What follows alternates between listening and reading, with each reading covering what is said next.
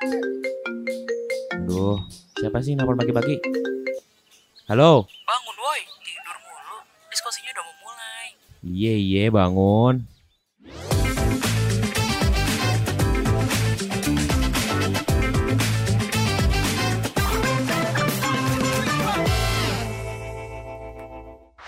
Halo Halo, Sobat Sobat Himatekla. Ya elah semangat dikit dong. Ulang ayo. Satu, dua, tiga. Halo Sobat Himatekla. Selamat pagi, siang, malam. Semoga kalian sehat selalu kapan pun di mana pun kalian mendengar podcast Himatekla. Selamat datang kembali di Diskusi 2.0 bersama podcaster kesayangan kalian Alifa.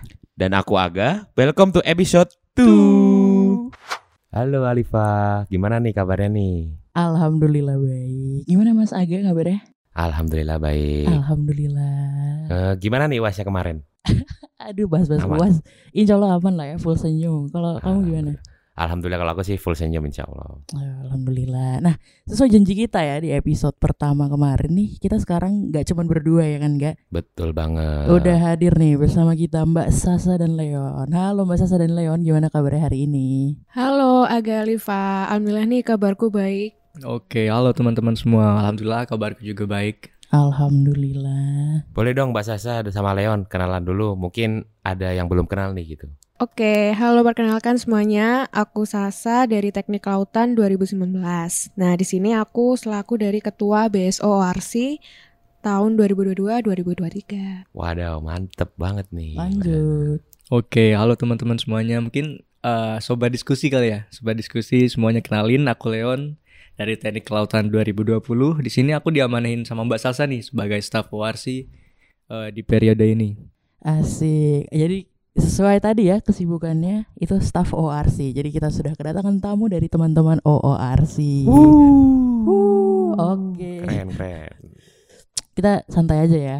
Bahasa Oke. lewat. Jadi sebagai ya pertanyaan pembuka lah ya untuk memulai diskusi kita hari ini sebenarnya apa sih ORC itu? Apa bisa dibilang kayak ekskul gitu nggak sih kalau di SMA atau beda lagi? Hmm, Oke, kalau ORC sendiri atau Offshore Oil Rig Club ini tuh merupakan badan semi otonom atau BSO ya. Nah, BSO ORC ini tuh berada di bawah naungan Himatekla ITS, yang di mana kita itu lebih berfokus pada offshore oil rig platform. Seperti itu. Hmm, Oke, mungkin aku nambahin dikit kali ya. Boleh, ya. boleh. Eh, sesuai kata Mbak Sasa tadi nih. Jadi kita bisa dibilang ekskul dong kayak UKM gitu tapi masih di bawah naungan teknik lautan. Eh, karena di sini kita gak hanya ngembangin minat bakat dalam bidang offshore platform tapi juga eh, belajar organisasi juga di situ. Hmm. Jadi menarik lah pokoknya. Iya iya iya. Mantep banget sih. Nah, kalau aku boleh tahu nih, untuk ORC itu kegiatannya apa aja sih? Iya di dalam klubnya gitu. Oke, menarik nih. Kalau yang pertama kegiatan ORC yang utama itu sebenarnya eh, kayak nyiapin delegasi ORDC sendiri melalui kegiatan kayak sharing session yang kemarin eh, iya, yang iya. udah dilaksanain dari kita juga ada training session juga belajar gimana sih cara bikin blueprint, gimana cara ngelakuin modeling pakai SketchUp juga eh, ada ANSYS juga. Jadi eh, selain sharing session kita juga ada training session seperti itu. Hmm. Nah, tapi nggak cuma itu aja sih. Kita juga sering ada kegiatan di kontainer biru kita tuh. Kalau belum tahu nih ya. Nah, biasanya kita di sana sering kumpul tuh buat bahas terkait ORDC atau juga kita kasih mentoring buat delegates-delegates yang mau ikut lomba di sana. Nah, mungkin teman-teman Medfo juga bisa nih mampir Wah, dan boleh, main ke kontainer tuh Langsung yang kali. di depan itu kan. Iya, Langsung kali apa ya, iya. Langsung. Boleh Ntar banget. Boleh banget nih, nih. kita main. Dibuka nggak? Yoi. Oh, lagi tutup sih Oh, lagi tutup. Ya, Mungkin ntar next next Nunggu next masuk kali ya, nunggu Oke. masuk perkuliahan. Oke. Tapi nih kan dari namanya Offshore Oil Rig Club pasti pada paham banget dong ya tentang oil rig gitu atau jenis-jenisnya. Mau tahu dong kayak singkat aja oil rig tuh apa terus jenisnya tuh apa aja? Oke, mungkin aku coba jawab kali ya. Boleh. Jadi sebenarnya itu ketika aku awal masuk lomba itu ternyata ada miskonsepsi nih terkait oil rig. Jadi oil rig itu sendiri sebenarnya tuh peralatannya atau equipment-equipment yang digunakan untuk pengobaran minyak.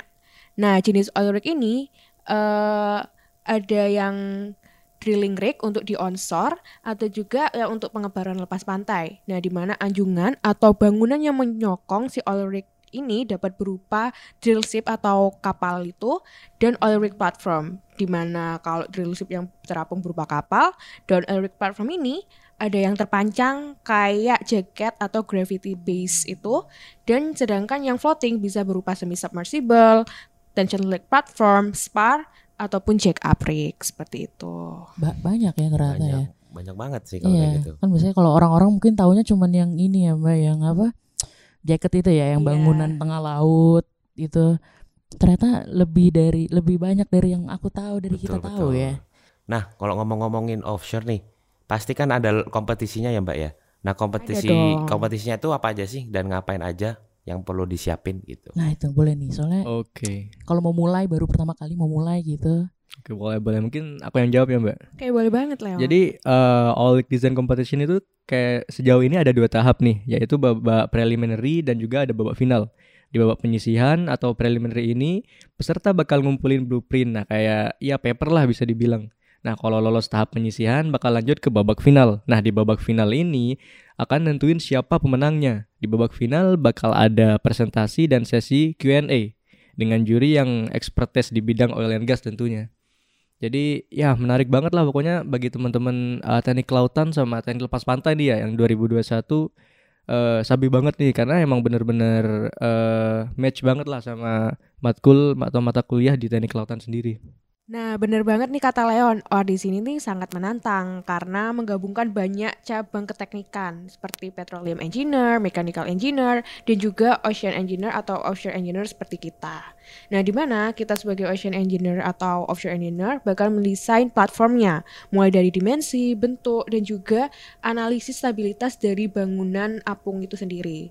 Nah, kalau ORDC biasanya pakai semisap ya, kayak gitu teman-teman. Oh, ORDC bisa pakai semisap. Tapi biasanya nih perlu ada inovasi-inovasi lebih lanjut gak dalam itu atau ada kayak study case-nya harus bikin energinya mungkin harus pakai energi terbarukan lah atau apa gitu enggak? Oh, kalau sejujurnya ya untuk RD sini tuh lebih berfokus pada oil atau gas drilling platform. Oh, Seperti itu. Jadi untuk kalau renewable energy itu ada lombanya sendiri nggak sih, Leon? Ah. Oh, kukira kayak harus ada inovasi-inovasi biar Nah, tapi tapi misalnya kalau misalnya di lomba-lomba luar itu biasanya ada yang namanya innovation. Penilaian innovation biasanya Hmm. sekitar ah 15 sampai 20% lah. Innovasinya Hmm. biasanya teman-teman sendiri salah satu innovasinya itu renewable energy. Oh. Biasanya dilihat tuh terutama buat juri-juri yang muda karena mereka seneng banget tuh yang namanya renewable Iya. energy. Soalnya meskipun buat ya, ya ah, kan. bener banget Ah, kayak ah, gitu. Oh, iya, Jadi iya, iya. meskipun belum termasuk di bidang offshore platformnya, tapi renewable energy juga masih bisa diperhitungkan lah. Kayak gitu. Benar. Kalau yang study case-nya sendiri tuh lebih dari field-nya. Field-nya itu punya study case yang berbeda-beda. Nah, Hmm, benar Seperti benar. itu. Kalau di Iya. oil rig design competition. ternyata susah juga ya. Kayak kita harus lebih belajar lagi nih. ya. Mm, betul. Gak bisa. Harus banyak Iya. belajar lah begitu. Nah, nih untuk bahasa sama Leon pasti pernah dong ikut kompetisi ya kan masa anak ORC belum pernah ikut kompetisi. Pernah Boleh dong ceritain satu-satu gitu. Pernah ada gak sih pengalaman unik atau lika-liku entah file kehapus apa gimana gitu mungkin. Oke, kayaknya menarik banget nih ya Mbak. Aku dulu ya, eh, sebenarnya eh, aku dari awal lomba sampai sekarang itu kan gak pernah ngerasain yang namanya eh, lomba offline nih, karena yang eh, aku lihat dari cutting-cutting ada lomba offline bikin market dan lain sebagainya itu menarik banget. Jadi bisa dibilang kejadian-kejadian unik hampir tidak ada. tapi tapi tapi ada satu nih, ada satu kejadian unik banget menurutku eh, meskipun non teknis ya. Ya, Jadi eh, waktu itu pertama kali aku ikut lomba itu di Petrolida 2021. ya. Mm-mm. Nah di sana itu kan ya namanya ikut lomba pertama kali harus prepare banget kan. Jadi eh, kita prepare banget lima orang sama teman-temanku.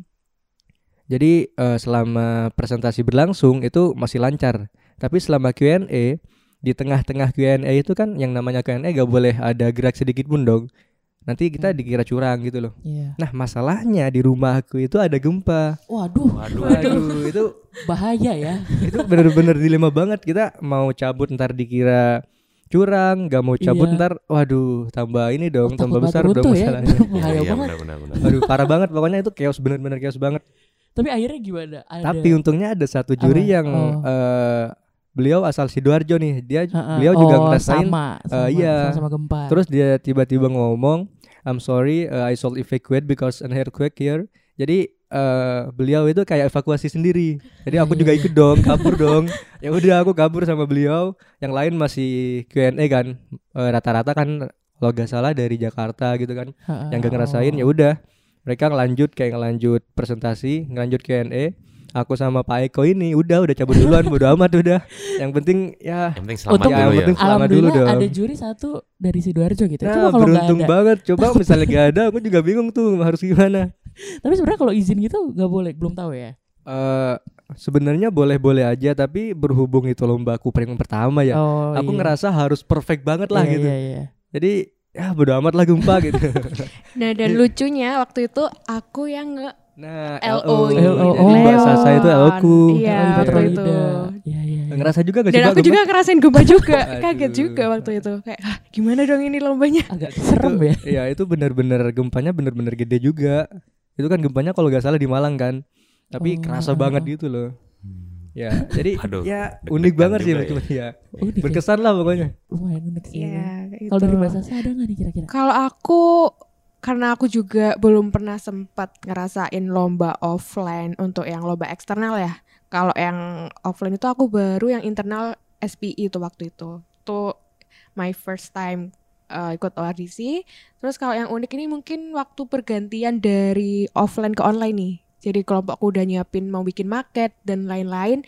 Eh ternyata tuh diubah nih lombanya menjadi online. Jadi nggak pakai market yang harus iya. dites pakai beban gelombang ataupun beban di atas uh, semisapnya. Jadi cuma disuruh bikin 3D model video aja. Nah itu asal mulanya uh, lomba audisi yang dari online dan jadi offline offline ke jadi online kayak gitu. Oh, Itu sih yang menurutku unik kalau dari aku ya. Iya. Tapi ternyata menarik Tapi ya bikin market-market gitu. Hmm, Biasanya bahannya apa tuh Mbak kalau bikin market gitu tuh? Nah, kalau aku lihat dari punya kakak tingkat kakak tingkat Heeh, nih, heeh. ada beberapa bahan ya. Ada yang pernah nih dari tim di ITB itu pakai 3D printing. itu ada yang kayak Wow. gitu. Wow, itu niat banget memang ya. agak mahal, ya, ya, agak agak mahal itu. Agak modal Sampai sebenarnya. jutaan. Terus kalau ada juga yang pakai styrofoam atau yang biasa-biasa itu juga ada. Oh iya iya iya. Kita pun sampai sekarang sebenarnya pengen sih offline ya Mbak, pengen iya, banget. tapi cuma belum gitu. ada opportunity Ah. ataupun lomba yang Belum ada secara offline offline untuk ya. audisi yang setelah pandemi ini. Oh, kayak oh, gitu. masih banyak yang online. Iya iya menarik juga ya. Betul, betul. Nah, ngo- ngomong-ngomong ngomongin lomba nih ya. Heeh. Kalau dari ORDC sendiri sih pun- punya event lomba sendiri enggak? Gitu, Mbak. Dari ORC ya. Doa Iya, sih. Iya. Eh, sebenarnya kalau dari ORC sendiri kan eh, gak ada ya Mbak, gak ada yang namanya eh, big event gitu. Tapi Iya. kalau Hmm. misalnya dari Himatekla sendiri kan ada yang namanya Oceano. Betul, Jadi betul Leo. Yo, eh, jadi di Oceano sendiri ada namanya lomba ORDC.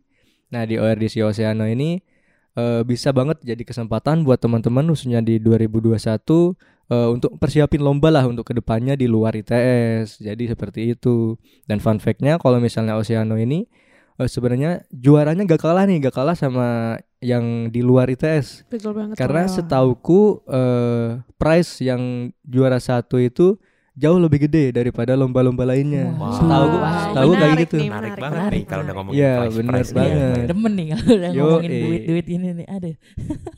Tapi pendaftarannya sendiri udah dari kapan sampai kapan nih? Oh, sebenarnya pendaftaran sudah dari dua minggu lalu ya. Oh, dari dua iya, minggu iya. lalu nanti close registration mungkin sekitar eh, sebulan lalu sebulan lagi lah Juli ya, registration. awal jadi Juli ya ya kan? jadi bagi teman-teman yang minat nih tetap stay tune ya stay tune di Asik. Instagram eh, Oceano 2022 seperti itu Bener-bener. Nah, aku juga mau kasih info nih buat teman-teman yang berminat untuk ikutan ORDC, khususnya ORDC dari Oceano ini. Kan kalian itu bingung nih, misalnya harus mulai dari mana? Kalian bisa ikutan programnya ORC, yaitu ORC Delegates. Nah, di ORC Delegates kita bakal bantu teman-teman mulai dari pencarian tim kalau emang kalian belum punya tim dan kita juga bakal kasih mentoring terkait pembuatan blueprint ataupun analisis semi submersible kalian. Juga kita bakal bantu kasih mentoring terkait presentasi yang baik itu bagaimana untuk tahap finalnya mungkin dan juga bakal ada pendanaan nih teman-teman dari departemen. Jadi Ini. kalian jangan ngelewatin kesempatan ini dan juga buruan daftarin tim kalian ya. Nah, masih ada waktu ya kan buat Betul daftar. banget. Terus juga masih dibimbing ya, sampai final loh Iya dibimbing. dong, kalau tuh. dibimbing. Sih emang ya. Ah, bisa menang sih ini langsung menang sih. Gas. Nah, tapi nih sayangnya kan buat staff ORC udah nggak bisa ya, maksudnya udah close rec. Nah, kira-kira nih buat oprek selanjutnya kenapa sih nantinya tuh harus gabung gitu, jadi bagian dari OORC. Jadi buat angkatan 2021 nih. Jadi jangan khawatir jangan khawatir ya teman-teman. Next kemurusan masih bisa join kok. Terus eh, kenapa sih Mbak Sa kita harus bergabung di ORC? Nah, wajib banget sih, terutama buat teman-teman yang berminat buat ikutan oil rig design competition ataupun tertarik di offshore platform. Karena kita di sini bakal bareng-bareng ngembangin minat kita di audisi, sekalian juga nambah pengalaman di bidang organisasi, teman-teman. Mantap, Mantap banget sih ini, Udah ya, dapet ya. organisasi, dapet Betul. pengalaman lombanya juga lagi kan. Apalagi dari kating-kating yang udah berpengalaman ya, Betul udah banget kalau itu. udah pernah ikut berbagai lomba. Oke, bahasan tadi mengakhiri episode kedua Aduh, diskusi hari sekali. ini. Terima kasih buat Mbak Sasa sama Leon sudah menyempatkan waktunya untuk ngobrol bareng di diskusi 2.0 ini. Mantap. Mungkin dari Mbak Sasa ada Leona ada pesan buat para pendengar. Oke, mungkin aku pengen berterima kasih ya buat teman-teman Medvo yang Iya. udah ngasih kesempatan buat ORC bisa debut di podcast diskusi Matekla. Dan buat para pendengar nih atau sobat diskusi nih yang tertarik buat ikutan ORC, bisa langsung hubungin kita ya atau bisa cek di Instagram ORC. Yo, eh bener banget karena kita juga mulai open kayak member gitu dari kemarin ya Mbak. Open delegates dari Yoi. bener dari kemarin. Oh, Jadi tetap stay tune ya di ORC. Asik. Nah, itu open delegate. Langsung daftar ya kan? Asik, mantep banget. Gas lah. Mantap Yes. sih. Mantap. Sekali lagi aku ucapin terima kasih untuk Mbak Sasa dan Leon. Yoi, terima kasih Mbak Sasa Leon. Oke guys, jangan lupa ya untuk stay tune terus di IG kita himatekla.its untuk info episode diskusi 2.0 selanjutnya dan info mengenai kegiatan di teknik lautan. Dan jangan lupa untuk follow kita di Spotify Himatekla FTK ITS. Aku Alifa. Dan aku Aga beserta para tamu pamit undur diri. Sampai jumpa di, episode diskusi 2.0 selanjutnya. Salam arus laut. Wush.